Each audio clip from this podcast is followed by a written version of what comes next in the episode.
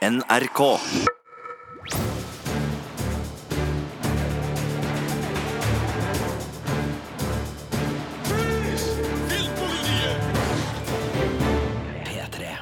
Tom Cruise er på farta i Mission Impossible Fallout, og det er ukas store filmpremiere som vi skal diskutere i denne podkasten fra Filmpolitiet. Vi, det er Birger Vestmo, Sigurd Vik. Og Marte Hedenstad. men det er ikke den eneste filmen eh, vi har eh, sett. Det skal også dreie seg om eh, pensjonistkomedien Book Club. Det er lov å si pensjonistkomedie? Det er veldig fint at du sier pensjonistkomedie. Du kaller en spade for en spade, Birger. Det Ja. er nok helt riktig. Det er Jane Fonda, det er Mary Steenburgen, Candice Bergen og Diane Keaton som spiller hovedrollene i eh, Book Club. Den store stygge reven har også premiere denne uka, og den har du sett, eh, Sigurd? Absolutt. Fransk, eh, litt alternativ barnefilm med, med morsom strek. Så, så for dem som er animasjonsfanatikere der ute, eh, hør eh, etter hva vi har å si om den. Yes. Bare én eh, serieanmeldelse denne uka, en eh, serie som heter Dietland. Ja, og det er en knallgod serie om Plum, som er overvektig og som blir forsøkt rekruttert av en feministisk terrorbevegelse. Vi skal komme tilbake til alt det her, men først av alt Mission Impossible Fallout. I know what you're thinking. Maybe they're not here for you. Maybe they're just here for me. Are you willing to take that chance? You have something I want. Right now, that makes me the only person you can trust to get you out of here alive. I think I'd like to go home now.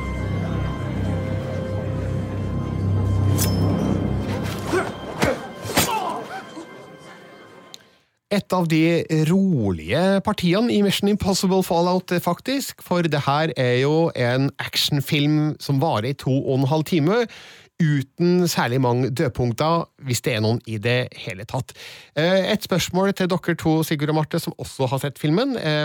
Det er stuereint å digge Tom Cruise nå? Jeg elsker Tom Cruise. eh, og, og sånn, ja, han er kanskje gæren, men han er så utrolig kul på film. Jeg har, han er en av mine favoritter når det kommer til eh, underholdning eh, i, i filmverden. Eh, Enig i det, Sigurd? Jeg har reservasjoner når det gjelder deler av Tom Cruise eh, sin offentlige personer, eh, men det er helt lov å digge eh, hva Tom Cruise gjør, spesielt i actionfilmer. Der en jo uh, i ferd med å bli eh, en skikkelig, skikkelig eh, Et fenomen, vil jeg si.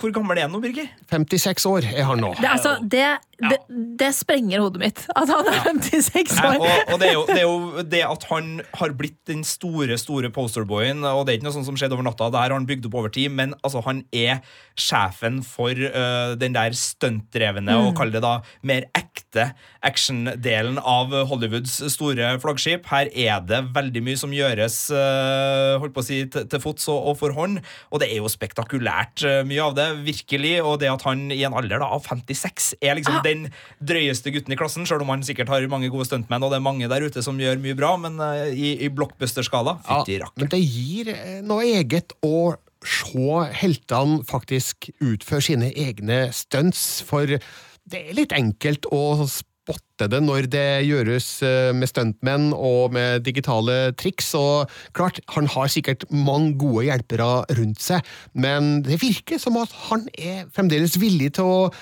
go the extra mile, som det heter på engelsk, for å gi publikum full valuta for pengene. Ja, altså, jeg så, du vet, The Wired de har jo en sånn der Google questions som de pleier å ha til eh, kjente personligheter som kommer på besøk, hvor de skriver inn liksom ja, da, eh, Tom Cruise, can Tom Cruise, og så ser de hva Google, hva som er mest som er blitt spurt på Google. Eh, og han gjorde det, da. Eh, og da var det sånn liksom, Can Tom Cruise hold his breath for six minutes? Can Tom Cruise drive a plane? Can Tom Cruise eh, fly a helicopter? Og han, sånn, det var masse sånne spørsmål, og han bare Yes, I can. Ja. Yes, I can. Yes, I can. Yes, I can. på alt. Han lærte seg visstnok å fly helikopter for denne filmen, for det er en helikopterscene her som vi ikke skal spoile så mye om, eh, der eh, han rett og slett flyr på ekte et sted i New Zealand, da det skal forestille eh, et annet sted. Men uh, uansett, kameraet er jo i cockpiten sammen med Tom Cruise, og de kunne nok sikkert ha løst det her med green screen og sånt, men eh, han flyr altså på ekte, hvis vi skal tro eh, lanseringsapparatet rundt filmen, da, i hvert fall. Og det er så kult! Ja, og det er også den scenen der han brakk beinet under innspillinga. Eh, man kan jo være litt konspiratorisk og se for seg at eh, filmselskapet har iscenesatt det her for å skape litt ekstra blest rundt filmen, men jeg tror ikke det, altså, fordi innspillinga måtte utsettes i flere uker mens han eh, ble frisk og lega foten sin, eh, og det kosta jo filmselskapet veldig mye penger, som nå gjør det litt ekstra spennende å se åssen det går med Mission Impossible Fallout på box office, for her er det mye ekstra utgifter som må tjenes inn. Så eh, det er, det er tydelig at han satser hardt på eh, action, og eh, det er jo det som er det store trekkplasteret her. Det er det som trekker oss inn i kinosalen. Det er jo å se hva slags galskap er det Tom Cruise skal finne på nå. Og det starter jo allerede ganske tidlig med et spektakulært hopp fra et fly. Og det skal visstnok også være ekte. Jeg har lest et sted, og det her har jeg ikke faktasjekka, altså. Jeg leste et sted at han gjorde dette hoppet 106 ganger. Jeg kan ikke skjønne at det er riktig, men ja. Jo, men altså, tenk, for de må jo altså, altså når man spiller Nei, altså man spiller kanskje ikke inn en vanlig scene 106 ganger, men altså når man er i lufta, og det er kanskje litt vanskelig å filme og alt mulig sånt, jeg vet ikke, det må jo sikkert gjøre det en del ganger, da. Ja, det høres unødvendig mange 100 ut. ganger, ja, det høres kanskje litt mye ut. Ja, Men uansett, hver gang Tom Cruise kommer med en ny film, så, så får jeg en sånn følelse av at jeg må ut og forsvare Tom Cruise. da. Fordi at han har fått mye eh, kritikk de siste åra fordi han driver på med ting på fritida som eh, folk ikke har så særlig stor sans for. Ja. Og så pleier jeg å si hver gang da at det, det, det, det er knekkende likegyldig hva Tom Cruise gjør når han ikke er på jobb. Det er det som han gjør på jobb som interesserer meg, hva han gjør foran kamera. Og vel, det er kanskje vanskelig for enkelte å ikke la seg farge av eh, hva skuespillere gjør på fritida, men eh, for min del så har det ikke vært noe problem å stenge den biten ute. Hvordan er det med dere? Altså, Eh, jeg, altså da, etter hoppet i sofaen hos Oprah, hvor, hvor man skjønte at han var så gæren, da, da hadde jeg da, eh, og på en måte fikk et litt innblikk i hele den, hvor ille det var med scientologidelen, så, så var det en periode der jeg tenkte litt sånn oi, shit, he crazy, og at det farga meg litt. Men så, så er han Altså, hva skal jeg si, han er så sjarmerende, og filmene er så bra, og det er så gøy at, at jeg klarer At jeg, at jeg bare putter det baki der. Jeg bare dytter det bak der. Ja, jeg har eh, Bare ta det, da. Den sofahoppinga hos Oprah. Eh, det var jo i forbindelse med det nye forholdet han inngikk med Yes. Katie Holmes.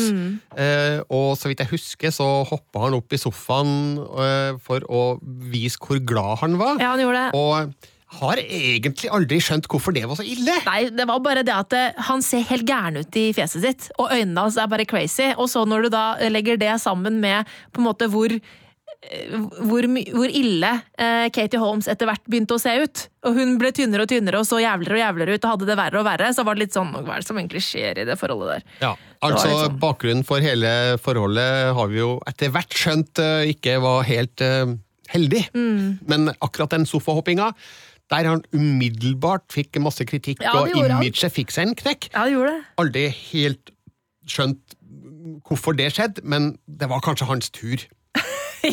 Han hadde vært et posterboy, som du sa, Sigurd, i så mange år at eh, nei, det var på tide å få han eh, ned litt, og vel, det har han vel slitt med siden. Ja, jeg tenker bare, jeg er helt enig med, med, med deg, Birger, om at verken sofahopping skal holdes i moten, eller uh, det er også fullt mulig å vurdere det han gjør på film isolert sett. Jeg bare synes det er viktig at media og de som har muligheten til å rette et kritisk søkelyd på eventuelle maktstrukturer som følger det miljøet han vanker i, og hvordan det påvirker både Hollywood og andre deler av samfunnet, det håper jeg ingen slutter å følge med på. Så jeg håper det kritiske søkelyset fortsetter å vedvare eh, der, og, og at man ikke eh, feiger ut av de kampene eller slutter å, å passe på. Eh, men det skal ikke ta noe bort fra den prestasjonen han har gjort i, i både tidligere filmer og ikke minst da i den filmen vi skal snakke om nå, Fallout. For hvis du uten å spoile, Birger, skal, skal ta oss litt inn i det, hva er det vi serveres denne gangen? Altså, det er jo den forventa miksen av agentsniking og spektakulær, spektakulær action eh, som tar oss fra det ene eh, flotte locationet til det andre. Og eh, vi skal jo innom eh, Norge også i denne filmen. Det er jo viden kjent at eh, det ble spilt inn scener på Preikestolen. eh, som ikke nødvendigvis foregår i Norge, men det skal man finne ut sjøl når man ser filmen. Eh, Det er jo da som vanlig et plott her som jeg føler ikke er så innmari viktig, men det legger jo da premissene for at eh, Tom Cruise skal kunne utføre ville stunts eh, både til vanns, til lands og i lufta. Bokstavelig talt, faktisk. Bare for å ta historien rent kort her, så eh, handler jo Fallout om en terrororganisasjon som eh, kalles Apostlene, som har forgreininga til The Syndicate, som vi møtte i den forrige filmen. Nå er de på jakt etter eh, plutonium for å lage atombomber, som de skal da selvfølgelig ta i bruk på mest mulig skadelig vis. Og her må da agent Ethan Hunt inn for å forhindre at det skjer. Han får jo da med seg et uh, uønska selskap, nemlig en CIA-agent som heter Walker, spilt av Henry Cavill, og han har òg med seg sine faste medhjelpere Benji, spilt av Simon Pegg, og Luther, spilt av Ving Rames. Og så tror du ikke at eh, selveste Ilsa Faust, spilt av Rebekka Ferguson, også kommer inn i bildet, i en litt sånn uavklart rolle der man ikke helt vet hvor man har hun. Så det er, det er mye som skjer i Mission Impossible Fallout, og det er en jevn strøm av eh, disse spektakulære stuntene, og så er det innimellom her masse dramatikk figurene imellom, som jeg syns skaper en eh, fin nerve gjennom det hele. For det er klart at ren action, det er tøft, men eh, det blir enda bedre hvis man føler at eh, noe ordentlig står på spill. Og det gjør det jo her nå, eh, i de nære mellommenneskelige relasjonene som Ethan Hunt eh, har. Eh, vi vet jo fra tidligere filmer at eh, han har en Jeg husker ikke om de er gifte, eller om de er kjærester eller samboere. De er skilt, tror jeg. Ja, det er sånn det henger sammen, ja. Eh, med en eh, dame som jeg ikke skulle huske navnet på, men som spilles av Michelle Monaghan. Eh, men hva skjer egentlig med Ethan Hunt og Ilsa Faust? Er det ikke et eller annet som foregår der? Det er noe litt sånn uavklart der også, som vi muligens får svar på i løpet av filmen. Så det, er en del spenninger mellom de figurene vi ser her, som jeg syns øker eh, dramatikken eh, altså over det rent actionmessige. Så du mener vi har både spektakulær action, en liten kjærlighetshistorie, internasjonal eh, spionasje og spenning, og en artig vennegjeng som slår vitser til hverandre? Jeg mener eh, nøyaktig det du sa ah, der, det Sigurd. Jeg kunne jeg egentlig ha sagt det og blitt ferdig med det, så valgte jeg bare å gjøre det litt mer komplisert. Det er helt eh, riktig. Men den har eh, alt det den trenger for å underholde, i hvert fall. Det er det ingen tvil om. Det er ingen tvil om det. Den varer altså det i to og en halv time, og det er jo en betydelig spilletid. Og jeg er ikke å kjede meg på filmer som varer i to og en halv time, men det følte jeg ikke at jeg gjorde her, fordi handlinga den, den, den er i stadig fremdrift, og eh, det skjer så mye hele tida, det, det er ikke noe mye dødpunkter å snakke om her. eh. Det er ikke så mange pustepauser innimellom de store slaga, og de store slaga er jo virkelig fortreffelige, både når det gjelder fallskjermhopping og helikopterflyging, og eh, selvfølgelig da eh, slåssing og skyting, og det var spesielt én eh, slåssescene her innpå et eh, toalett som eh, jeg ikke har sett maken til siden eh, True Lies med Arnold Schwarzenegger. Ja, Den var skikkelig tøff, den scenen. altså. Ja, så der er det gjort et virkelig hardt arbeid for å eh, skape action som slår hardt, og uten å ja, uten å få den høye aldersgrensa som eh, filmen kun har fått. De, de greier liksom å spare på de virkelige stygge inntrykka. Så den har tolvårsgrense, men eh, det er liksom hakket før den kanskje ville ha fått 15. Jeg kan bare si at eh, folk som har eh, altså da, eh, Henry Cavill sine guns har fått mye oppmerksomhet på det store internett. Eh, det er, I traileren ser vi at han lader opp gunsa sine før han går til fight. Og jeg kan bare si at det innfrir. Eh, akkurat den eh, lade opp gunsa-scenen. Jeg vet ikke om det, det har noe praktisk effekt å lade At du ser awesome ut! Jeg jeg er ekspert på, på menneskekroppen og anatomi, og du, du får faktisk eh, 10% mer ut av uh, overarmsmuskulaturen i det hvis du gjør sånn som deg. Altså, du, du må forklare, Marte, for de som Ja. ikke har sett filmen. Når du sier 'lade gunsa', Ja, så Det er ikke snakk- våpenet, men bicepsen. Og liksom, eh, Henry Cavill går liksom i bokseposisjon, og så gjør han en sånn bo-bo-bevegelse med armene før Han er, som en tek, han er som en figur på Tekken eller Street Fighter som, du på en måte, som har en sånn, eh, et rituale før han begynner oh, Fight!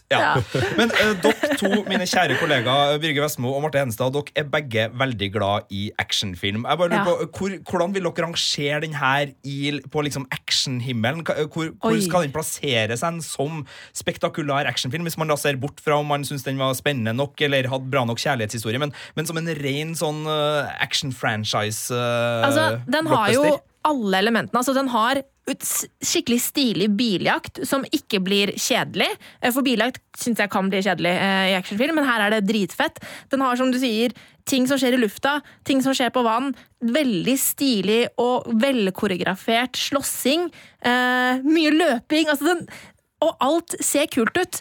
Og så når du i tillegg veit at han gjør stuntsa sine sjæl, så det gir et ekstra lag. Sånn som den scenen, altså, hvor han, den scenen hvor han brekker beinet.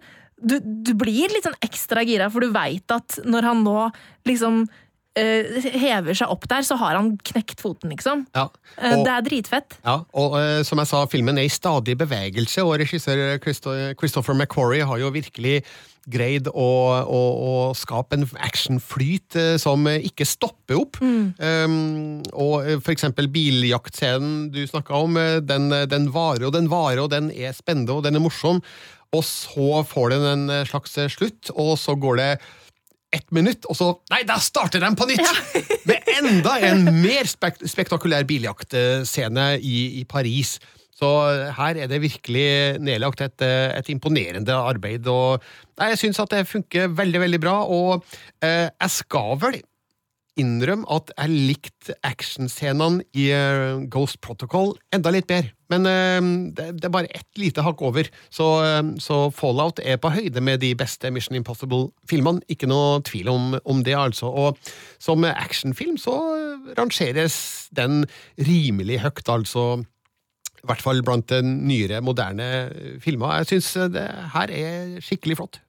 Jeg eh, er jo ikke like begeistra for filmen som dere to er, uh, merker jeg. Syns også den er en fantastisk actionfilm, men eh, min hovedinnvending er at sjøl om øh, skurkene er store og det står mye på spill, så syns jeg skurkesida av denne filmen er et markant hakk ned fra forrige film, som den da er en direkte oppfølger til. Eh, da vi møtte Salomon Lane og Syndikatet i eh, forrige film, så var de en mystisk organisasjon du, der hele tida det spillet mellom hvem er på lag med hvem, hvem bedrar hvem, hva er det egentlig de vil, hvem er egentlig som har satt i gang det her, eh, var sånn magekriblende spionbra. Altså Det var en kul spionfilm også, som virkelig fikk meg inn i, i plottet.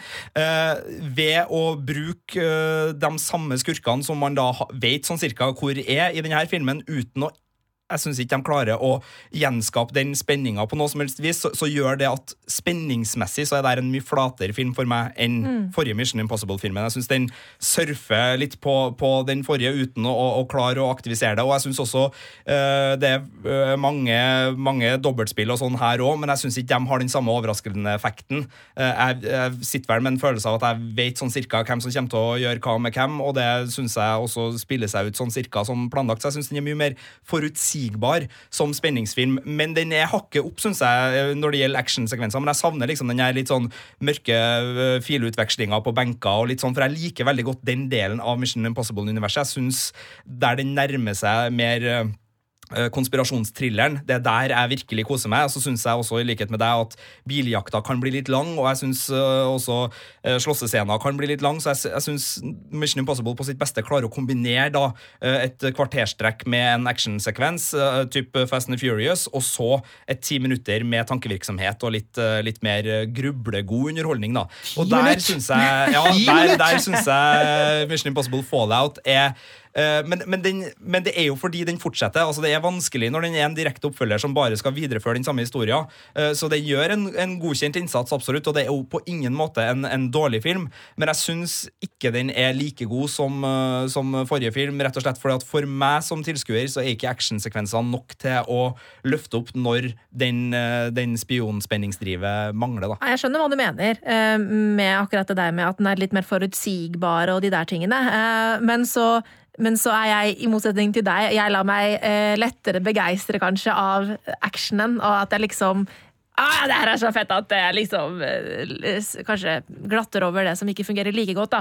Eh, Men det er jo ting som ikke fungerer i denne filmen også. Men et spørsmål til, bare mens jeg er negativ Nancy her. Eh, jeg syns også humoren skorta litt. Jeg synes det var veldig sånn forutsigbart også i replikkvekslingene som skal være komisk da, mellom den her vennegjengen på, på um, Tom Cruise-laget. Jeg synes Tidligere så har det vært litt mer snert i replikkvekslingene mellom da Wing Rames og, og Tom Cruise og nå kommer ikke jeg på Simon Pegg. Simon Pegg. Nå syns jeg det var litt sånn det var litt sånn lettvint humor. Det var litt sånn uh, ha-ha-type replikker som, som ikke, hadde, ikke overraska på noe vis. da Nei, Jeg husker ikke de forrige filmene som de rene komi-aktige actionfilmene heller, da. Men uh, altså, jeg syns jo at det, det samspillet fremdeles er der, mellom eh, spesielt eh, Simon Pegg og, og Ving Rames. Eh, Det er jo der som du får den store comic reliefen, og Tom Cruise har jo aldri vært den store humoristen. Eh, Det er jo én scene i den filmen her der han er på vei ut av et vindu, der han får lov til å ja, komme med en liten eh, one-liner som eh, kanskje er det mest morsomme vi får fra Tom Cruise i denne filmen. Eh, Men han er jo ikke den, eh, den store actionhumoristen. eh, Det, det har jeg liksom ikke hatt noen forventninger til heller, da. Så jeg vet ikke om jeg savna det i en særlig grad, men det er lov å savne det hvis man føler at Mission Impossible burde være mer morsom. Ja, for de prøver jo på det Ja, i at- rollefigurene til, til Simon Pegg og Ving Rames. Og hvis det da ikke helt er snert, så skjønner jeg hva du mener. Ja, jeg syns ikke det skulle vært mer av det. Jeg bare syns det skulle vært bedre, det som var. Det som var, ja. Men eh, det er jo eh, altså Sean Harris eh, som spiller Solomon Lane, som er vel den største skurkefiguren i denne filmen, som han var i den forrige. Og eh, et av problemene hans er jo at han, eh, uten å spoile for mye, han er mm, ut av stand til å gjøre så veldig mye i store deler av filmen. Eh, men han er jo med hele veien som eh, en stor bad guy, eh, og en som jeg syns burde ha kun få lov til å ha vært med enda litt mer i filmen, det er jo eh, selveste Kristoffer Joner. ja. Han spiller nemlig eh, den norske atombombemakeren Nils De Bruk. Smak litt på den. De Broek. Nils De Broek i Nederland. Jeg er fra Nederland. Nei, han, han, han, er, norsk. Han er norsk det, det i sies jo i filmen. Ja, men det bare hørtes så innmari Ja, nederlandsk ut. men en norsk atombombemaker, det er jo morsomt, da. Det er morsomt. Eh, han, har, eh, han har bare én scene, da, men eh, den er ganske viktig. Og eh, den setter jo tonen for resten av filmen, så Joner gjør en god jobb. Ja. Men det hadde vært morsomt med enda litt mer Joner i Mission Impossible. Han får virkelig vist seg fra sin litt mer sprøe side, og han er god når han spiller sånn, så jeg, jeg, jeg, likte, jeg likte den scenen. Og den, det er jo bare en scene, som du sier, men det, det er jo en ganske stor scene som, som, som varer en stund, så vi får jo se en del av den. Jeg synes det var gøy. Ja, og nå skal jeg, nå skal jeg være skikkelig, skikkelig raus eh, med, med Joner, for så vidt, men jeg syns det er der filmen også er på sitt beste med å klare å legge eh, det ekstra klangburen som motiverer skurkene. Fordi uh, det er jo en motivasjonsfaktor uh, i, i, eh, bak apostlene som ikke bare er vi er dumme terrorister. Eh, og den forsvinner litt i actiondrivet utover, men den etableres ganske godt med i hvert fall den indre motivasjonen hans. Selv om den ikke nødvendigvis deles av alle, så syns jeg den kommer fram der. At det er altså grunnen til at man da kanskje får denne type scenario i verden uten at man forventer at det skal skje over natta. Men altså at det, det, det er ulik motivasjon for ulike terrorister, og der syns jeg Joners figur er, er kanskje den mest interessante av skurkene i så måte. Og så syns jeg jo også Joner kler veldig godt å spille den, eh, den litt sånn eh, konspiratoriske, samvittighetsfulle skurken som er liksom sint på overmakta. Uh, der, eh, der får han virkelig til å, å få fram litt sånn der spyttende aggresjon, som jeg syns funker bra. Uh, så nei, jeg to tomler opp til Kristoffer Joners innsats her, altså. Det er vel kanskje noe av det som jeg savna i Fallout. En litt mer forklaring om hva de skurkene egentlig vil. De vil rive ned den eksisterende verdensorden. Men hvorfor vil de det, og hva vil de eh, ha inn i stedet for? Der lar filmen være å, utforske det i særlig grad, og vel, det hadde kanskje blitt en helt annen film, da. Det vil ta fokuset vekk fra action, og eh, det får vi jo mer enn nok av her. Det må du jo eh, også eh, se, Sigurd, og sette pris på. Det gjør jeg absolutt. Og underholdningsfaktoren i filmen er, er absolutt til stede. Som du sier, den er to og en halv time. Det er, jeg syns kanskje det var litt i meste laget, men det var aldri kjedelig. Så, så den klarer seg absolutt veldig godt der. Og det er jo du som gir den endelige dommen til filmpolitiet på denne filmen, Birger. Og da er det vel ikke noe tvil om at terningen, den blir Høy. Ja, den blir høy. Altså, filmen er jo en vanvittig actionfest som eh, vil eh, tilfredsstille alle som liker å bli underholdt godt på kino. Eh, Den varer altså i to og en halv time, men jeg mener at den leverer varene hele veien uten noen særlige dødpunkter å snakke om. Og så er jo da Preikestolen en fantastisk location i filmen, som eh, ja, det, det, det er nesten så man kan lure på hvorfor har ikke noen brukt Preikestolen skikkelig på film tidligere, men eh, vel, nå, nå har Mission Impossible Fallout gjort det, og eh, da spørs det om noen andre tør prøve seg på Preikestolen igjen, for, å, for da må, må de jo overgå scenene fra Fallout. Uh, ja, er, det gjort bilkappløp ned Trollstigen? Har vi gjort det?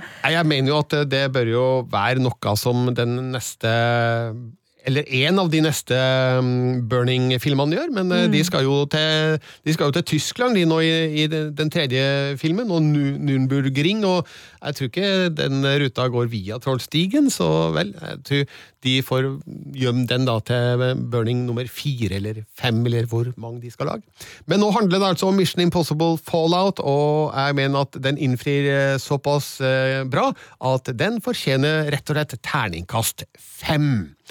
Så gå oss til den. Eh, men skal man gå og se den andre store premierefilmen denne uka, som heter Book Club, eh, vel, vi skal snakke om den nå. I would like to introduce you to Christian Grey. Oh. Oh, no. Well, it was a bestseller made into a movie. Oh, and that is our theme this year. We are not reading this. It's my month. When it's your month, you can choose whatever boring, depressing book you want. To, to even be holding this book is embarrassing. Who's judging you? Your cat? I do like the idea of a romance. We are too old. But it says right here for mature audiences. Oh, yeah, that certainly sounds like us. We started this book club to stimulate our minds. Well, from what I hear, this book is quite stimulating. Oh, God. Sue. Come on, let's toast to our new book. All right. Oh, good. Voice that glass. Happy reading, ladies. Ja, Book Club er altså en film med fire gamle stjerner i hovedrollene, nemlig Diane Keaton, Jane Fonda, Candice Bergen og Mary Steenbergen. De har altså da en ukentlig bokklubb der de leser og diskuterer um, stadig nye bøker, og nå, nå har de kommet til Fifty Shades of Grey. Jeg syns det er kjempebra konsept! Jeg syns det er et grusomt konsept. Åh, ja, det er her er noe folk har pønska ut i helvete. Altså, jeg, har ikke le jeg har ikke lest Fifty Shades of Grey, men jeg har, jeg har, jeg har begynt å lese True Blood-bøkene. Og de er jo litt sånn i samme landskapet. Og det er sånn, Jeg bare kan kjenne på den flauheten av å sitte og lese en sexscene og så bare sånn det her, det her er ikke greit. Jeg kan ikke sitte med denne boka. Jeg må legge det vekk. Så jeg, kjenne meg igjen. Men du, du har sett uh, filmene? Ja, jeg har sett filmene, så jeg vet jo hva det går i. Ja. Uh, nå er altså disse hovedfigurene eh, litt opp i åra, sånn rundt ja, et sted mellom 65 og 80, tror jeg skuespillerne i hvert fall befinner seg. Så uh, det er godt voksne figurer, det her, som eh, har flere fordommer mot eh, Fifty Shades of Grey. Men når de da begynner å lese denne første boka, så stimulerer det dem til å ta et blikk på sine egne liv, og hvordan står det egentlig til med kjærligheten og relasjonene og forholdene. og ikke minst eh, seksualiteten.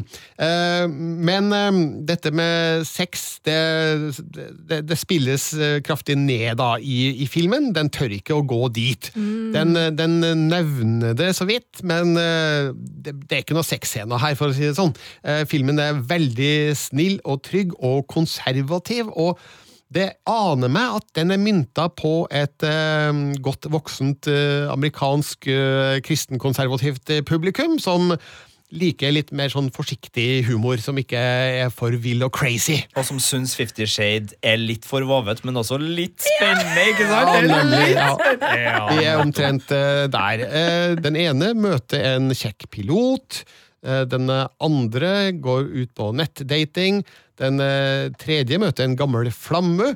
Og den eh, fjerde har en ektemann fra før som eh, er litt grå og trist. Så alle de her forholdene blir jo satt under lupen i lys av Fifty Shades-lesinga deres. Og det som skjer utover det, det er ikke særlig spennende. Jeg beklager. Jeg har så lite lyst til å se den filmen der. Jeg har så lite lyst til å se den filmen der. Nemlig. Da, da tror jeg du skal slippe. Men altså, den er søt. Og det er, det er, en del morsomme scener med litt snappy dialog, men eh, det er for, det er for veikt og for um, Det er for, det er for safe. Det, de, de, tør ikke trå til. Okay. De, de, tør jo ikke å erkjenne at uh, sex fins, egentlig, og de tør ikke sitere de de eh, drøyeste, drøyeste tinga fra Fifty mm. Shades. Mm. Så eh, det blir liksom bare nesten. Men du, Marte, du så traileren, og du syntes den var søt? Ja, jeg syns traileren så veldig søt ut. Sånn, sånn type sånn film som er Å, den her! Den her skal jeg se en søndag! sånn at jeg tenkte at den her var artig og trivelig, liksom. Ja, ja. Nei, altså, Den er jo litt artig og litt trivelig, ja. men eh, det blir for kjedelig. da. For ja. eh, Mitt hovedproblem da, det er at eh, de konfliktene som eh, tegnes opp her, de stikker ikke så veldig djupt. Eh, må jo si at eh, Diane Keaton hun møter jo altså da denne kjekke piloten, spilt av Andy Garcia, og han er selvfølgelig styrterik mm. på grunn av et eller annet han gjorde før han ble pilot. Eh, så det er litt sånn, sånn eh, fantasipreg over eh, det her også. Jane Fonda hun møter da gamlekjæresten, spilt av Don Johnson. Og det var jo egentlig litt ålreit å se at Don Johnson han, han eldes med stil. Mens Candice Bergen legger ut på nettdating, og det, det blir bare dumt og teit og plumpt, sjøl om den første daten hennes spilles av Richard Dreyfus. Eh, mens Mary Steenbergen hun er da gift med mm, en mann spilt av Craig T. Nelson. Best kjent kanskje som pappaen i Poltergeist. Ja, eller oh, coach, i, eller treneren i komiserien Coach, hvor han også figurerte en periode. Men han er jo herlig i Poltergeist som hasjrøykende. Og der har du ikke sant, den edgen som mm. dem, Poltergeist torsa. Ja. De torsa og tull med den amerikanske kjernefamilien. Det tror ikke jeg Book Club gjør, nei. nei jeg tror ikke det var så mye hasjrøyking i eh, Book Club eh, akkurat. Så eh, jeg, føler jeg liker jo dem som er med i filmen. Det er veteraner som er sympatiske og flinke, og det er ikke deres feil at Book Club er litt veik. Det, det er manuset som rett og slett ikke tør nok. Det, det, blir for trygt, og ehm, jeg føler at de, de får ikke ut det potensialet som uh, ligger der. Men uh, vel, de skal ha for forsøket, men uh, Book Club blir dessverre ikke helt den eh, smarte, morsomme, edgy komedien som jeg kanskje hadde ønska meg. Og som jeg skrev da i anmeldelsen som ligger ute på p3.no, så virker det som at Book Club eh, er mynta på et eh, forsiktig publikum, som liker å ta det litt mer rolig, fornuftig og måteholdent. Og vel, man skal jo ikke se bort ifra at det fins et publikum der ute som vil ha nettopp denne filmen. Jeg skal så innmari anbefale den her til mamma. Ja, Det, det, det, det, det skal kanskje jeg også. Vi får, vi får se på det. Men Send terningkastet til mora til Marte, Birger. Hva, hva blir det? det blir terningkast tre. Og det er en sånn eh, type kjedelig karakter som verken er fugl eller eh, fisk, men eh, som for meg signaliserer at det er hyggelige folk å se i filmen, men de, har for, de får for lite morsomt å, å gjøre. Snill, trygg og konservativ komedie, altså.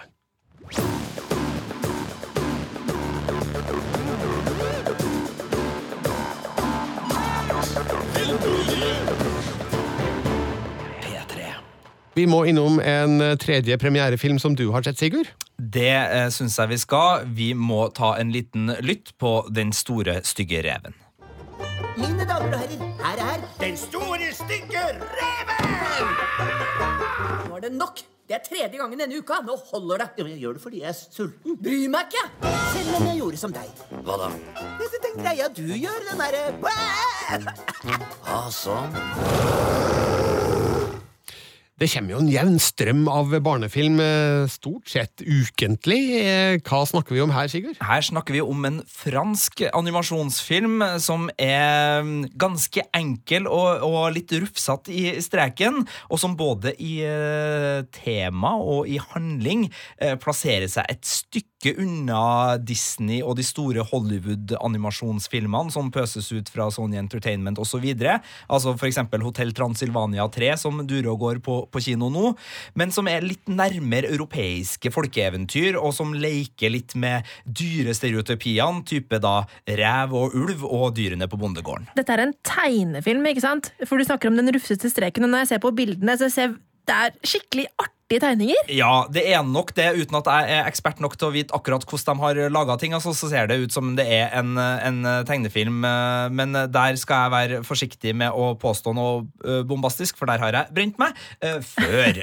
Så det skal sies. Men den kan se ut som Jeg vil si barne-TV fra Øst-Europa er et referansepunkt for en del av de, de tegningene vi ser her. Enkel og uttrykksfull strek mm. er, er stikkordet. Eh, den er bygd opp som ei teaterforestilling, så det ligger et metagrep her, hvor vi presenteres for tre eh, historier eh, på ca. 20 minutter hver, som alle foregår med det samme rollegalleriet og, og i og rundt en bondegård. Eh, de to første er veldig bra. Kjempegode historier som, som er sprudlende av fortellerglede og artige perspektiver. Og eh, den er bygd opp på en måte sånn at det ene ville påfunnet fører til et annet et, men det er liksom nok eh, både kreativitet og, og fortellerkunst hos eh, filmskaperne her, og spesielt da Benjamin Renner, som er mannen bak, til å klare å bygge videre på galskap hele tida. Altså, det eskalerer på uh, artig og troverdig vis. Altså Det kollapser ikke. Så kommer tredje historie, som er en sånn tradisjonell julefortelling, som er mer forutsigbar, og som har referanser til IT med sykling over måne og sånne ting, som er litt enklere. Men, men de to første gjør at det her er absolutt en film jeg vil anbefale alle, både store og små, å, sjekke ut. Den har en humor som er mørk, men ikke skummel for de minste. Eh, Men eh, spesielt Ivar Nergård, som har stemmen til herr Ulv, gjør en nydelig jobb med den der eh, underspilte, tilbakeholdne, ru stemmen sin, som gir den her litt sånn slappe, men allikevel livsfarlige ulven eh, noen, noen nydelige sekvenser. Og så er det mye artig som, som snus eh, på hodet. Og, og det er et veldig bra stemmelag som, som har eh, dubba det her til, til norsk, så, så den fungerer absolutt. Siv Klynderud, Bjørn Eivind Aasland, Scott Maurstad, som har dukka opp nesten i, i alle barnefilmer jeg har sett på norsk i det siste, som virkelig gjør det bra. Og Espen Sandvik som Reven, og, og Stian Prestu som trøndersk gris. Altså, det, det er mye artig her, mye å kose seg med. Men den siste episoden uh, gjør at jeg ikke blir øh, helt sånn øh, klar for å gi øh, blant de, de beste karakterene. Og det er også sånn at selv om teaterforestillinga som metagrep rundt det her funker for de minste ved at de får liksom snakka med, med dyrene. altså Dyrene henvender seg direkte til publikum. Det tror jeg er en artig ting for de, for de minste. Men det er ikke en, et grep som klarer å gi filmen en helhet, verken tematisk eller handlingsmessig. Det blir tre episoder etter hverandre, så det her hadde nok fungert bedre som serie enn film. Ja, ikke sant? For det var det jeg tenkte at det høres ut som en TV-serie som de bare sånn Skal vi sette det sammen til en film, eller? Og så har de lagd en ramma med teatret rundt, liksom. Det høres ut som eh, en tanke som er plausibel, eh, og det gjør at eh, jeg blir ikke eh, så begeistra som jeg trodde jeg skulle bli da jeg så de to første. For da tenkte jeg sånn Jøss, har de liksom klart å lage det her til en helaftens spillefilm som, som nå skal liksom få en slutt? Og så gikk slutten bare i en sånn Helt annen eh, retning. helt annen retning, og, og klarte ikke den biten. Altså. Så jeg var litt skuffa på tampen, men det var fordi jeg hadde kosa meg så mye underveis.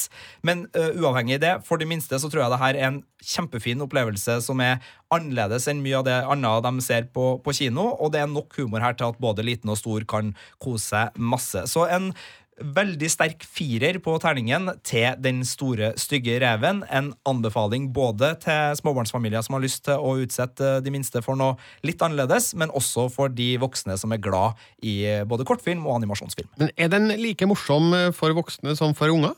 Jeg flira flere ganger og kosa meg og tenkte at uh, den her uh, hadde jeg ville ha sett uh, uavhengig av om jeg hadde med meg noen små på kino. Ja. Eh, Så, ha- har, den, ja. har den humor som fungerer ulikt uh, ut ifra hvor gammel man er?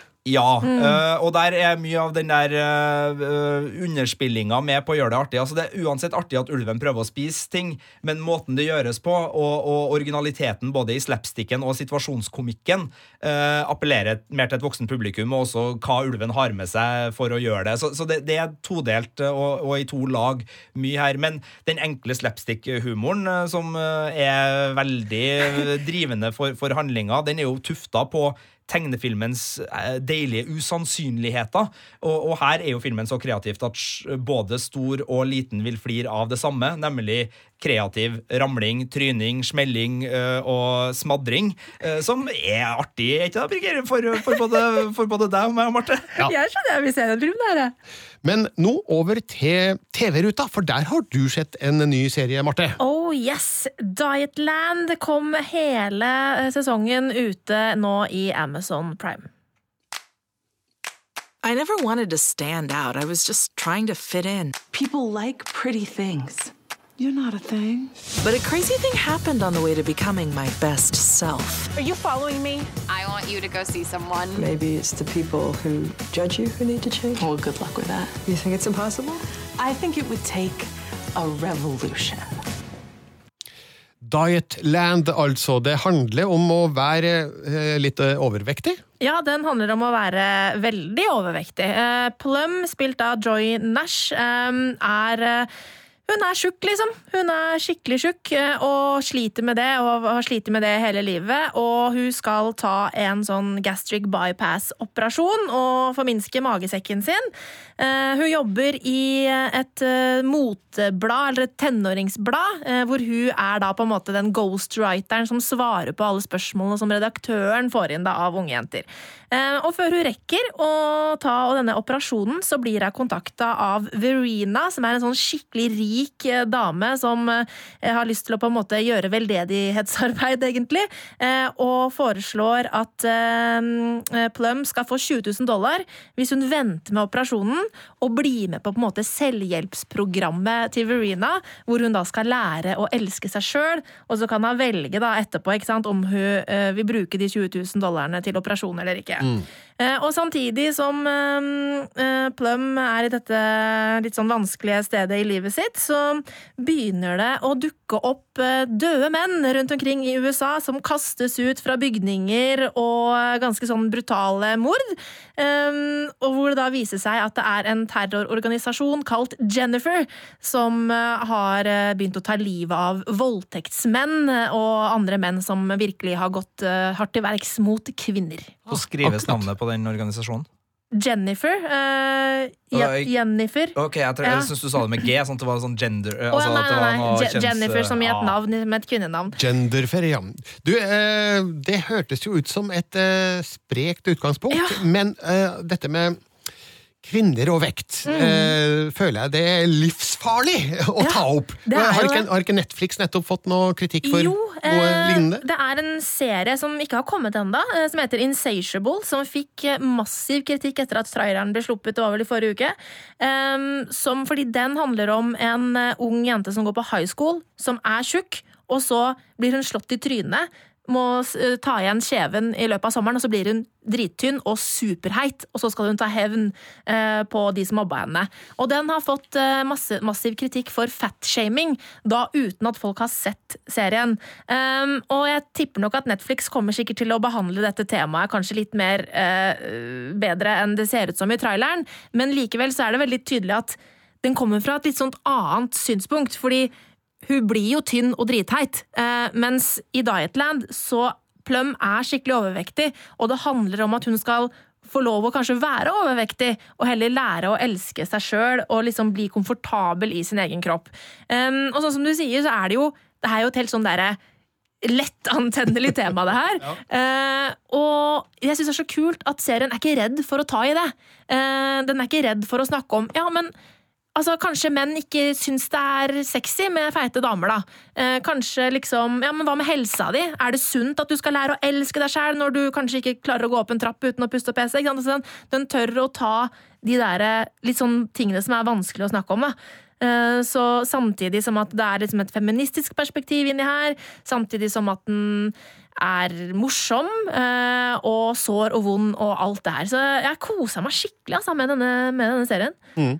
Uh, ja, jeg ser jo bare eh, kommentarfeltet under ja, anmeldelsen på nett. begynner jo også å, å, å, gå i det her. Og det er jo nettopp det, fordi det er så mange forskjellige perspektiver og holdninger og svar på det her, mm. som gjør uh, denne serien kjempespennende, syns jeg. Jeg har bare sett første episoden, og jeg syns òg den er, er starter godt i gang der. Og det er jo nettopp det der uh, helseperspektivet, mm. skjønnhetsidealperspektivet, selvtillitsperspektivet. Mm. Altså er et langt og trist liv bedre enn et kort og, og glad liv. Altså det, det, er så mange ting her da som, som uh, spiller inn. Og så syns jeg jo det er dristig da å knytte opp mot et uh, krimelement, et terrorelement, som går da inn også i en kjønnskamp. Fordi ja. det handler jo ikke bare om kropp, det handler jo også om kropp og kjønn, uh, ja, forstår jeg utover. Absolutt. Hvordan er balansen her?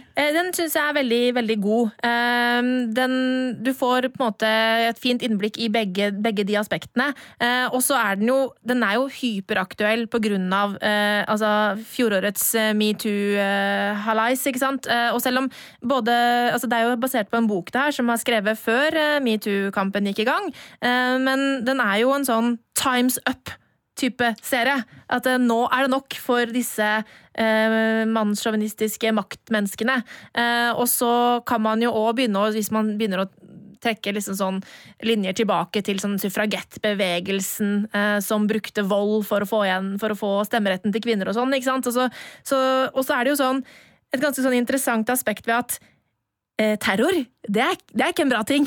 Eh, det å ta, å ta, loven i egne hender og drepe folk, eh, det er ikke en bra ting. Men samtidig så sitter du liksom og forstår hvorfor de gjør som de gjør, da. Og det er også en veldig sånn stilig aspekt ved det. Jeg lurer litt på hvorfor får vi ikke flere slike serier? Fordi ja. alle som har vært i USA, vet jo at graden av fedme over there er den er stor. Ja, jeg tror nok kanskje det er fordi at folk er kanskje litt engstelige for å ta tak i temaet. Og når vi ser hva som har skjedd i den backlashen som Netflix har fått nå, så kan det hende at det er For det er litt sånn sårt. Eh, og så er det også en utvikling i hvordan man ser på disse tingene som går veldig kjapt. Sånn at uh, Dietland eh, sliter jo faktisk òg litt med det, at den på visse ting virker litt utdatert allerede. fordi at altså den body positive altså, kroppspositivitet-trenden er kommet ekstremt mye lenger da, i dag enn det som den er i serien, f.eks. Sånn at eh, det kan hende at det er noe med det at ja, man blir fort utdatert, og så er det også det er skummelt å ta i, da. Et, mm. Noe som er så betent. Ja, uh, This Is Us, som er en av de Emmy-nominerte ja, dramaseriene som går på TV3 her i Norge, og som uh, også har mm. fått veldig god kritikk av oss, er jo en serie som er innom det, med én ja. av sine rollefigurer. Der er det jo en søskenflokk uh, som, der den ene søstera sliter med, med, overvekten, og hun går jo da til behandling og i ulike grupper, og, og dater også en fyr som, som sliter med det. Og, og der er det jo en del av de problemstillingene problemstillingene som tas opp, men det er jo en helt annen type serie. Det er jo en mm. veldig lun og Uh, menneskenær serie som, som er, ligger veldig mye mer i, i en slags uh, realisme, sjøl om mm. den absolutt bruker dramaseriens melodramakvaliteter. Men det her virker jo som en mye mer sint og frisk serie, ja. som, som, også i tillegg da har et, et kjønnsperspektiv som, som ja, altså, er, Krangler de om oppmerksomheten, altså kroppsideal og, og kjønn, eller klarer de å gå sammen og Nei. brukes til én Jeg syns det går, klarer å gå fint sammen. Jeg, jeg henger med på begge trådene, og uh, det er jo Det er jo noe med uh, Altså, behandlingen av kvinner eh, har jo også noe med hvordan tjukke kvinner blir behandlet. Sånn at det henger sammen sant, i virkeligheten også. Så, så det, det går fint eh, hånd i hånd, det der, altså. Eh, og, men det er som du sier, at det er en sint serie. Det er et sånt underliggende raseri her eh, som eh, det er litt sånn som i det, der, det du kjenner på i Handmaid's Tale. Altså Det underliggende raseriet som bygges opp der, det finner du også her. Men selvfølgelig da pakket inn på en ekstremt mye mer lettbeint måte. Eh, og det er en del sånne absurde elementer her. Eh, Det brukes tegneseriefigurer til å fortelle hva Plum føler. Hun, hun snakker til seeren, eh, eh, og det er- en del sånne ting som som på en måte bryter litt. Men jeg syns det funker. Og så er det òg en del ganske såre og nære scener her. eh, Hvor man virkelig går inn på hvordan Plum har det. Så nei, jeg digga den serien her. Den, den er litt sånn ujevn, og mot slutten av sesongen så faller den dessverre lite grann. Men, men høydepunktene er så høye når de er på sitt beste, at eh, jeg smeller til med terningkast fem. jeg. Rett og slett femmer til Dietland, som du kan se på Amazon Prime. Bare se på plakaten for serien som ligger inne i anmeldelsen din på P3NO Filmpolitiet. Eh, Det står jo Dietland, men T-en den eh, ser litt annerledes ut, og da står det jo plutselig også Dieland. Så um, litt tvetydighet der, det, det liker vi. Takk skal du ha for den anbefalinga, Marte. Da skal vi bevege oss over i noen interessante nyheter.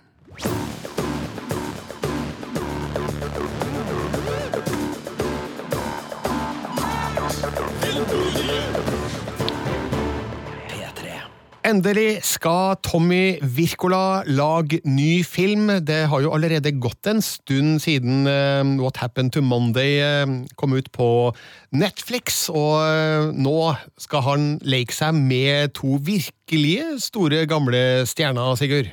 Ja, jeg sier bare Calvin Farrell for å få det unnagjort, og så sier jeg Mel Gibson etterpå. Men det er de to, da. Mel Gibson som plutselig var i Oslo her eh, på Lorry og drakk øl, eh, tror jeg. Eller nå sier jeg drakk øl, da, det vet jeg egentlig Hvordan ingenting om. kan men- jeg ikke ha fått med meg dette? Eh, VG har uh, skupet, blant andre. Han dukka plutselig opp i Oslo i går kveld. Eh, han ville ikke svare på om det var i forbindelse med at nyheten om at han skulle spille i Wirkolas film. Han Ja, sa bare at han var her for fornøyelsens skyld. Men uh, om han har dratt fra Norge eller ikke nå, det vet ikke jeg. Men eh, Mel Gibson tok altså en Oslo-tur. Okay, hvor, hvor, hvor er Tommy Wirkola for tida, lurer vi på. da? Men altså, kan jeg bare men Vi snakka litt grann om det i, stad i, i forbindelse med Tom Cruise. Men kan vi være enige om at det er litt digg at Mel Gibson er tilbake i varmen igjen nå, eller? Eh, ja, det, det kan vi absolutt være ja.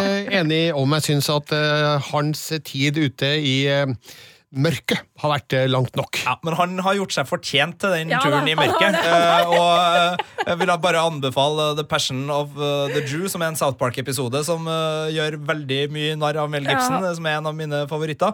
Men, uh, og jeg beklager at jeg sa drakk øl, det vet jeg jo ikke, men Lorry er vel et sånt utested i Oslo som har øl på menyen, så jeg bare la sammen to og to, og så husker jeg Ricky Gervais som så kledelig tok bort ølen sin Ja, fra Mel Gibson på Golden Globe-utdelinga sist. Og det syns ikke Mel Gibson var noe. Men ok, Han er et lett offer. Eh, Mel Gibson, både som regissør og som skuespiller, er en mann som har gitt oss veldig mye glede, i likhet med Tom Cruise. Eh, Det er også Colin Farrell. Og i, i da War Pigs, som er tittelen på filmen her, så skal de toene spille eh, to marinesoldater som er helt på tampen av sin karriere, og som skal legge ut da på et hevntokt mot noen som har gjort dem skade tidligere i karrieren. Ja, Narkokartell, faktisk, visstnok. Så her ligger det an til en veldig sånn renskåra, gammeldags eh, actionfilm der eh, de har carte blanche til å gønne ned uante mengder med skurker. Vet du hva eh, kallenavnet til Mel Gibson skal være i den filmen der? Ja, men si det. The Pastor. oh. Og Colin Farrell skal spille Drex, og jeg antar at det laget av ex-marines uh, vil um, inkludere noen flere. Så eh, kan det dreie seg om en sånn slags eh, sånn Expendables-type actionfilm her? Jeg, jeg håper litt det. Samtidig så, så, tenker jeg at det er jo greit å, å ikke bare lene seg på, på, Star Power, men det er jo en del skandinaviske uh, typer til typer, og nå trenger dere ikke å gå og booke Peter Stormare med en gang, uh, og Co., for han har jeg sett litt for mye i det siste, men, men, det er jo mange altså Jeg vil jo ha fjes i den filmen her, kjenner jeg umiddelbart. Jeg vil ha sånne fjes som man med en gang ser at du er en type, ja. ja okay. Du er en skikkelig type. Du. Har du noen forslag? Nei, altså, Jeg regner jo med at, eh, at um at uh, Hivju kanskje kunne vært en morsom. Ah, Hivju kunne vært artig. Joner er også en fyr ja, jeg gjerne absolutt. kunne ha sett uh, inn i det her. Uh, nå er jo, Det er jo mange blad Skarsgård som kunne ha ja. vært interessant, men de ligger kanskje på et budsjett som er vanskelig å få tak i. Men, men, uansett, da, med Mel Gibson og Colin Farrell så er det jo starten på ei rolleriste som jeg gleder meg veldig til. Og Whatever Happened to Monday hadde jo også et veldig sterkt rollegalleri, blant annet da med Willem Defoe. Willem Defoe. Willem Defoe. Uh, i, ja.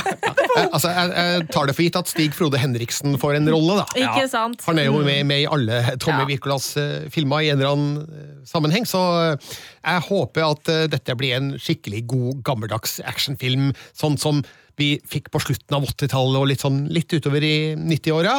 Eh, og Tommy Wirkola har jo vist det før at eh, sjangerfilm det har han et stort bankende hjerte for. Så jeg er ganske trygg på at han vet hva han skal gjøre her nå. Tør vi å hoppe på Dolph? Oh Dolph Lundgren, God. ja. Eh, det, det, har egentlig um, overraska meg at han ikke har fått flere sånne type sjangerroller de siste åra. Han var jo så god i Expendables. Da jeg gikk på ungdomsskolen, så var det noen som gikk rundt og tagga Dolph Lundgren er tøff, og jeg bare sånn Ja, det har dere helt rett i. Jeg, jeg, hadde en liten Dolph Lundgren-renessanse for noen år siden, og, og kjøpte inn en del DVD-filmer han har laga i, i, det siste. Sånn rett på DVD. ja. Og eh, ja, det er nok en grunn til at de gikk rett på DVD. Men eh, de litt eldre filmene, som den første The Punisher og Red Scorpion og mm. Universal Soldier, der han spilte mot eh, Jean-Claude van Damme Og Rocky 4. Eh, og Rocky 4. Utrolig bra actionfilm, altså. Så gjerne Dolph Lundgren, Tommy Wirkola, hvis du hører det her. Kanskje, kanskje Dolph kan spille en tøff ex-marine, han også, i i uh, Warpigs, var det den het. Ja, Rune Temte er også et eh, forslag jeg vil slenge inn. Han er også en herlig skjeggete fyr. Han er vel opptatt med noen Marvel-filmer akkurat nå, men hvis du støter på han, Tommy, så er det bare å ta den med. Vi skal videre i universet, bokstavelig talt, fordi det har kommet noen flere opplysninger rundt den nye Star Wars episode 9, som nettopp har starta innspillinga. Nå, nå, har jo regissør JJ Abrams eh, posta bilder fra settet. Eh, veldig, veldig hemmelighetsfulle bilder, som ikke avslører noe spesielt mye. Det, det ene bildet jeg har sett, det er vel bilde av et kamera, og så ser vi så vidt John Boyega uskarpt i, i bakgrunnen. Har noen sett noe mer? Eh, John Boyega har lagt ut noen sånne der treningsvideoer og sånn, hvor han eh, liksom forbereder seg til innspillinga, men jeg tror ikke han har lagt ut noe faktisk fra innspillinga. Nei. Jeg har ikke sett på så mye, for jeg ble bare litt satt ut av den andre nyheten som kom som ja. ble eh, skuespillerbiten. Det var du som oppdaga ja. den først av oss, Birger? Ja, det kom jo da sist helg nyheten om at uh, Carrie Fisher skal være med i episode ni. Uh, hun skal selvfølgelig ikke spille inn noe nye scener, fordi hun er jo da selvfølgelig død. Men JJ Abrams uh, har fått tillatelse fra Carrie Fishers datter til å bruke usette opptak fra The Force Awakens, mm. som da skal sys inn i den neste Star Wars-filmen. og sånn umiddelbart så får jeg litt sånn småbange anelser, for hva er det de sitter på av eh, stoff fra The Force Awakens som de kan sy inn i det neste Star Wars uten at det blir rart og teit? Ja, altså, det var sånn, jeg kunne Jeg merka da, da jeg så eh, The Last Jedi, så trodde jeg jo at eh, Leia skulle dø da man trodde hun skulle dø. Uh, og, og det hadde vært en på en måte trist, men fin avslutning for Leia. Eh, og, men da det ikke skjedde, så ble jeg liksom Ok, men hva skal de gjøre nå? Hva gjør de nå? Eh, og så ja, de, hun må jo få en avslutning eller på et eller annet vis, men jeg skjønner liksom ikke helt Nå må de jo på en måte skrive da hennes historie ut ifra det de har av materiale. Blir det bra, liksom? Nei, ikke nødvendigvis. Og en annen ting er jo at det er jo ikke bare Carrie Fisher som skal være med. Vi har også fått bekrefta at Mark Hamill også skal være skuespiller. Det kan jo foregå i mange vis. da tenker vis. jeg men... Force Ghost må jo bli Force Ghost. Det kan bli det, men det, men det er helt klart uh, flere ting her som spiller inn. Og, og jeg er bekymra hvis de f- må skrive om manuset. Uh, Mm. Men vi vet jo også pga. innspillingsrekkefølgen her, fordi uh, det har ikke vært Altså, det, du trenger en tre år mellom hver Star Wars-film for å få det til å, å svinge, har det blitt sagt. Men de har kjørt med to års mellomrom på denne uh, trilogien, Uh, og det har gjort til at uh, Rian Johnson og, JJ Abrams har uh, overlappa med manus. sånn at det er ikke sånn at én film blir ferdig, og så ser de på fanreaksjonene, og så begynner de på manus på neste. De har måttet begynt å ferdigstille manus mens den andre filmen har vært i innspilling. Eh, og de har jo sikkert en, en eh, overhengende plan her òg, som ble lagt ut eh, tidlig i løypa. Så eh, jeg vil jo tro at de ikke går på akkord med sine ideer her. At uh, det her er noe de får til å gjøre uten at uh, det spiller dypt inn. Men det er klart, uansett hva de gjør, så vil avslutninga til Princess Leia være en stor ting. Eller general Leia eh, skal ikke ta noe bort Mm. fra militærstatusen hennes. Uh, så så jeg, jeg er umiddelbart, som dere, bekymra. Samtidig så vil jeg jo tro at de ikke er villige til å, å, å gjøre om på hovedhistoria si. Så må jeg bare si, jeg er så utrolig glad for at de ikke går for CGI-helvete. Ja. Ja, de, de prøvde jo så vidt i slutten av Rogue One, Ja. eh, og vel, det funka bare sånn passe, Ja, syns altså jeg. de, de brukte jo CGI ganske mye i, eh, i Rogue One. Eh, ikke bare med Leia, men med mm, eh, Tarkin. Ja. Eh, og det så jo helt jævlig ut, liksom. Eh, jeg, jeg, jeg, da, Ikke, ikke helt jævlig, men nok til at det var ikke noe problem å spotte forskjellen. Ja, jeg synes i hvert fall det var sånn han står, Vi ser gjenskinnet av han i vinduet, eh, og jeg tenkte sånn, ok, men det var en grei måte å løse det på. At vi liksom ser han bakfra, så ser vi speilbildet. Eh, og, så, og så snur han seg, jeg bare nei! Og så ser han Det ser jo ikke bra ut. Men i den neste Star Wars-filmen, de kan jo eventuelt uh, jukse til litt med en body double som filmes bakfra. Det kan de. Det kan de gjøre. Mm. Uh, det gjenstår å, å se. Jeg vet ikke i hvilken grad de har tenkt å ta i bruk digitale triks her. Altså, det er jo nå fullt mulig å, å sy et ansikt eh, digitalt på en annen kropp, for Mm. Men de har vel sagt at de ikke skal gjøre det med Leia, eh, sånn at eh, da får vi stole på det. Men du, du mener at uh, hun kanskje burde ha fått lov til å dø i Ja. The Last Jedi? Ja, jeg mener det. Fordi at de hadde den altså, nå, nå er det lenge siden jeg har sett The Last Jedi, da, så, uh, men altså ha, Hva hadde de gjort med resten av historien hvis hun hadde dødd der? Ikke sant? I filmen. Kunne de på en måte gjort om sånn at hun faktisk døde? Eh, fordi hun kom, altså De har jo ikke en regner ikke med at de har en dødsscene for hun nå heller, så skal hun på en måte enten dø offscreen, som jeg syns er helt krise for en så viktig rollefigur, eh, eller skal de bare la henne leve, og så på en måte bare at hun ikke er med i videre filmer? Spennende spørsmål som vi ikke har noe umiddelbart svar på, Marte, så eh, tida vil vise. Eh, men jeg syns jo at det er hyggelig da, at vi får et siste gjensyn med Carrie Fisher. Bare håper virkelig at JJ Abrams eh, virkelig har funnet en tilfredsstillende måte å gjøre det her på. Eh, at Mark Hamill skal være med i episode ni, ble jeg ikke veldig sjokkert over. For altså, det er jo ingen, ingen grunn til at, at Luke Skywalker skulle være borte for godt eh, etter det vi så i The Last eh, Jedi. Men Force Ghost, ja, kanskje. Eller er han nå så powerful, så mektig, at han er i stand til å transportere sitt fysiske legeme gjennom tid og rom? Ja, men så Da han satt der i den solnedgangen Han, altså, han, gikk, han ble jo ett med The Force. Ja. Han Gjorde han ikke det? Han var ikke bare sånn at han plutselig var et annet sted. Det er jo det mest sannsynlige. Altså, akkurat sånn som Obi-Wan eh, Mm. eh, i hermetegn dør i slutten av den første Star Wars-filmen. Mm. At eh, han går over eh, til et nytt plan. Ja, ja det var fint sagt. Jo da, det kan stemme, det. Jo da, det kan stemme. det akkurat. Eh, innspillinga av Star Wars episode 9 er altså i gang, og det blir veldig veldig spennende å se hva de får ut av eh, det her. Den eh, kommer altså i, i desember 2019. Det, det er jo ikke så lenge til! Nei. Ett og et halvt år, da. Ja, ja. Ett og et halvt år.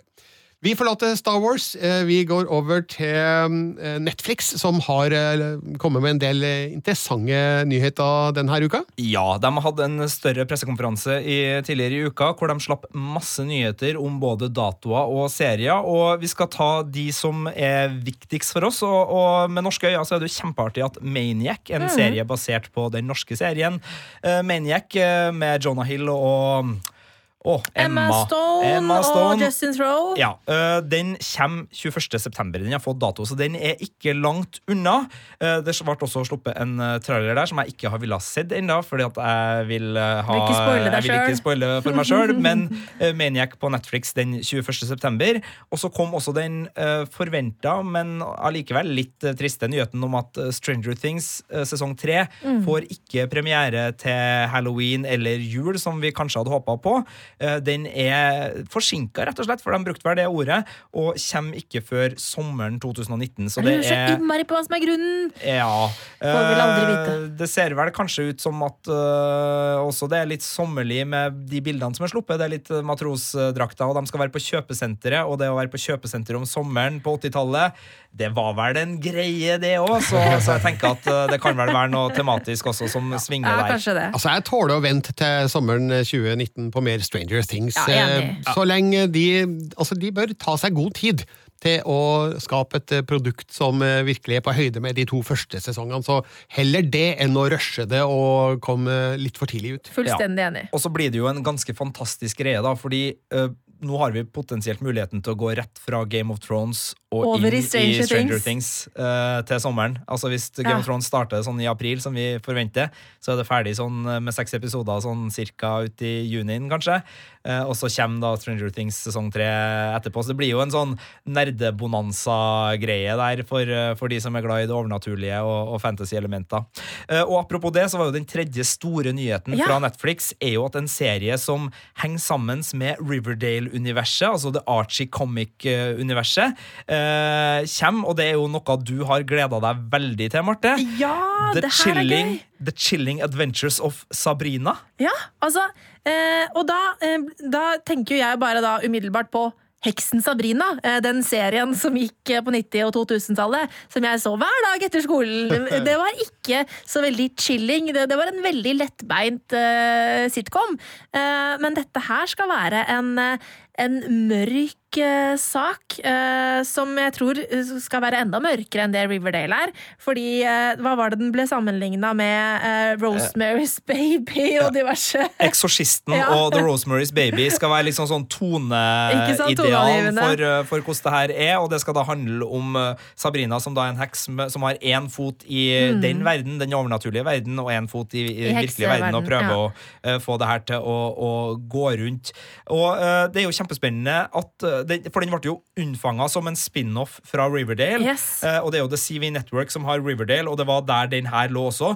Nå skal CV Network lage en uh, Charmed-reboot. Å, herregud, ja, det har vært i gjerdet lenge, og jeg, det gleder jeg meg så Eh, sinnssykt til. derfor da, så har plutselig Netflix tatt over, muligens, men det er Warner Bros som produserer det her, og det, det er mange kokker og, og mye søl, men forhåpentligvis så, så blir det her en kul, kul eh, sånn multiverse-greie med Ja. Riverdale som, som får det til å svinge. Ja, og jeg tenker at eh, Riverdale uh, Vi har jo begge likt det veldig godt, selv om jeg syns at den, de Ja. siste halvdelene av siste sesongen har vært ganske ujevn. Ja. Uh, men hvis vi på en måte tar det enda et hakk mørkere, så tror jeg det kan bli ganske stilig. Ja.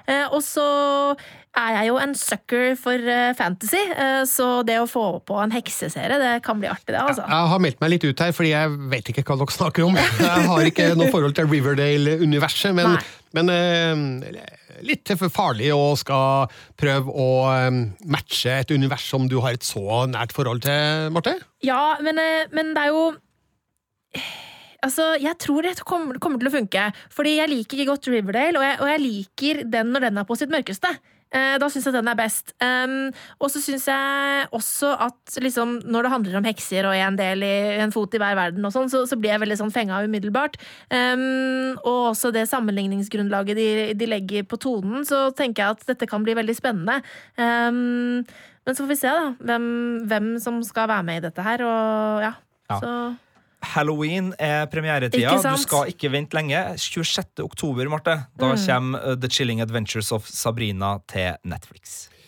Vi skal over til den siste nyheten vi eh, må innom i denne podkasten fra Filmpolitiet, og da skal vi til et univers som vi alle tre har et eh, nært og godt forhold til, nemlig Ringenes herre. Ja. Lord of the Rings skal jo bli en ny stor eh, serie fra Amazon, og nå vet vi hvem som skal stå for det hele, Marte. Ja, og det var eh, noen navn som jeg ikke kjente egentlig igjen.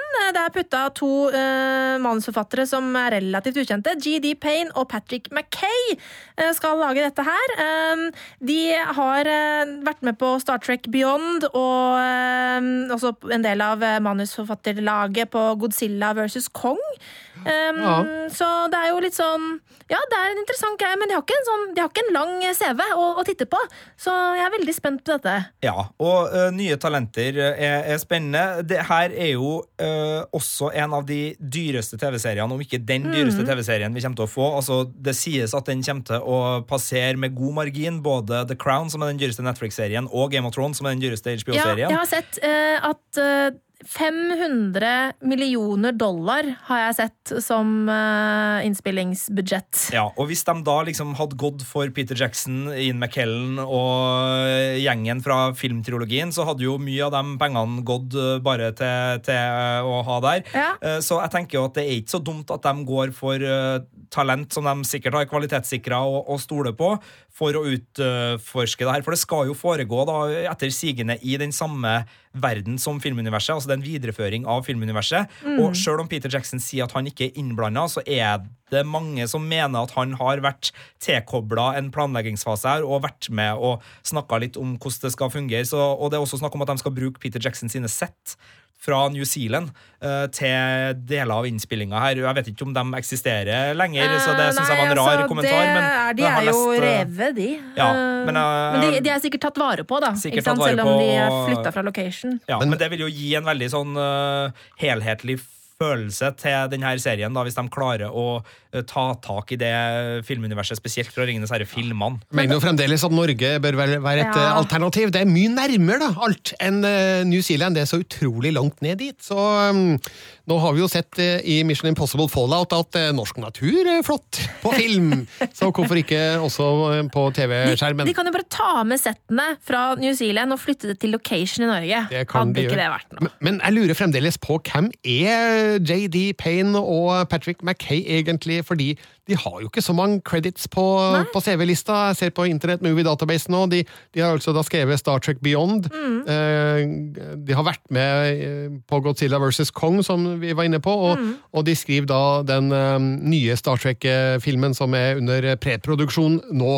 Så de, de har jo ikke så mange ting å vise til, egentlig, så hva er det med dem som gjør at Amazon har gitt dem hovedansvaret for denne enorme TV-serien? Ja, nei, det, det må jo være et eller annet. Jeg er bare litt sånn bekymra, fordi uh, Lucasfilm og Disney har så til de grader bevist at eh, det er fullt mulig å satse på ungt talent, og så bare bråsnu og hyre inn Ron Howard. Men altså, det Eh, så, jeg, så jeg bare håper at det ikke plutselig det, det liksom at eh, Hvis de vil være kreative og vil være selvstendige, at eh, Amazon får kalde føtter. Nei, men, altså men, Amazon har en litt annen de er, altså Mitt inntrykk av dem er at de er litt modigere. De har litt mer guts Ja, og, og litt mer hovedsjefen snert. eh, Jeff Bezos, hvis det er riktig uttale av navnet hans, som er Amazon head honcho, Mm. han er jo også en genuint uh, Tolkien-fan Ja, ja, og en eh, Lord of the Rings-fan, så her er det liksom kjærlighet til materialet, angivelig i hvert fall. Uh, Sjøl om det sikkert er kjærlighet til penger, uh, så er det en kjærlighet til materialet som, som bør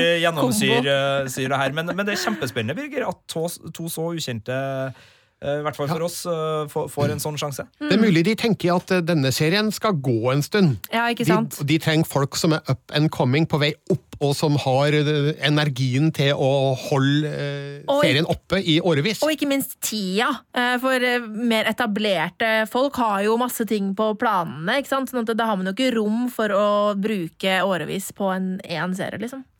Så eh, vel, jeg er spent. Eh, har ikke helt landa på hva jeg syns om eh, at eh, disse to skal styre hele Ringenes herre-serien, men det må jo være noe med dem, siden Amazon tydeligvis har, har lagt sin trust in dem. Kanskje de bare er Altså Det må det jo være. Jeg håper da at de er skikkelig skikkelig store fans, de også.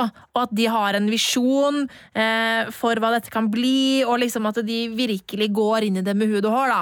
Eh, Sånn som eh, Bezos vi antar at han gjør. At det er med kjærlighet for verket. Så ja, det blir spennende. Ellers så har de, får de eh, Det ideelle hadde vært at de hadde hyra inn Christopher Tolkien, som har vært så sint på Peter Jackson for at han mente at han laga ungdomsfilmer av Ja. eh, farens eh, fantastiske bokserie, og at det her da blir den der Ja, ja, Silmarillion-utgaven altså, av Men altså, Tolkien hadde jo hata Peter Jackson sine filmer. Mm. Han hadde jo hata dem intenst.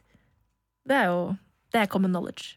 Men vi gjør ikke det. Vi gjør ikke det. En liten uh, relatert uh, ting uh, som jeg leste om i uka som gikk, handler om Topher Grace. Skuespilleren som spiller KKK-sjef i Spike Lees kommende film Black Clansman, som jeg så i Cannes, og som er veldig morsom. Og eh, That 70's Show. han har da en hobby. Eh, han eh, klipper ned spilletida på film. Og nå har Ja han, nå, nå har han laga sin egen versjon av Hobbit-trilogien. Oi, kult! Og, og klippet den ned eh, til to timer. Ok, Kjempefint! Veldig bra. Det, det, hvis den fins et sted, så skal jeg se den. Fordi jeg er jo sint. Jeg blir jo sint. Han, ikke si det, eh, men... han eh, har vel ikke lagt det ut noe sted, og har vel ikke lov til Nei, det heller. det. Men uh, i en artikkel som eh, ligger ute på movieweb.com, så står det at uh, han har gjort det her før. Han uh, klippa ned mm, de tre Star Wars-prequelene, altså episode 1, 2 og 3, til, til én film.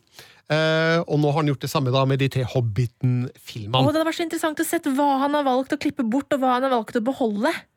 Åh, Jeg skal sende Tofer en e-post og spørre hva han det? kan få til med Mission Impossible-filmene.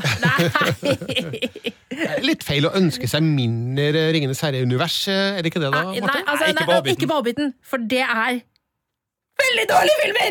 Ja, det ble for mye, ble for mye Hobbiten. De skulle ikke ha laga trilogi der. skulle ikke det. Fader ulla, Men altså. likevel så sier du ja takk til en kommende stor TV-serie. Som sikkert kommer til å gå i årevis. Som må bli bedre enn den helvete CGI-festen til Peter Jackson. Jeg har et, uh, et uh, munnhell som jeg liker å, å ty til. Uh, Brent filmbarn skyr ikke ilden. Altså, vi vil ha mer, vi vil ha mer, vi vil ha mer. Apropos lang spilletid, denne podkasten er nå oppe i 1 time og 19 minutter, så det er på tide for oss å avrunde det her og si tusen takk for følget. Som vanlig vil vi oppfordre alle til å gi oss en rating og en tilbakemelding der du henter denne podkasten. Vi er tilbake med mer podkasteri om en uke, men det er slutt for i dag. I studio Marte Hedestad. Sigurd Vik. og Birger Vestmo.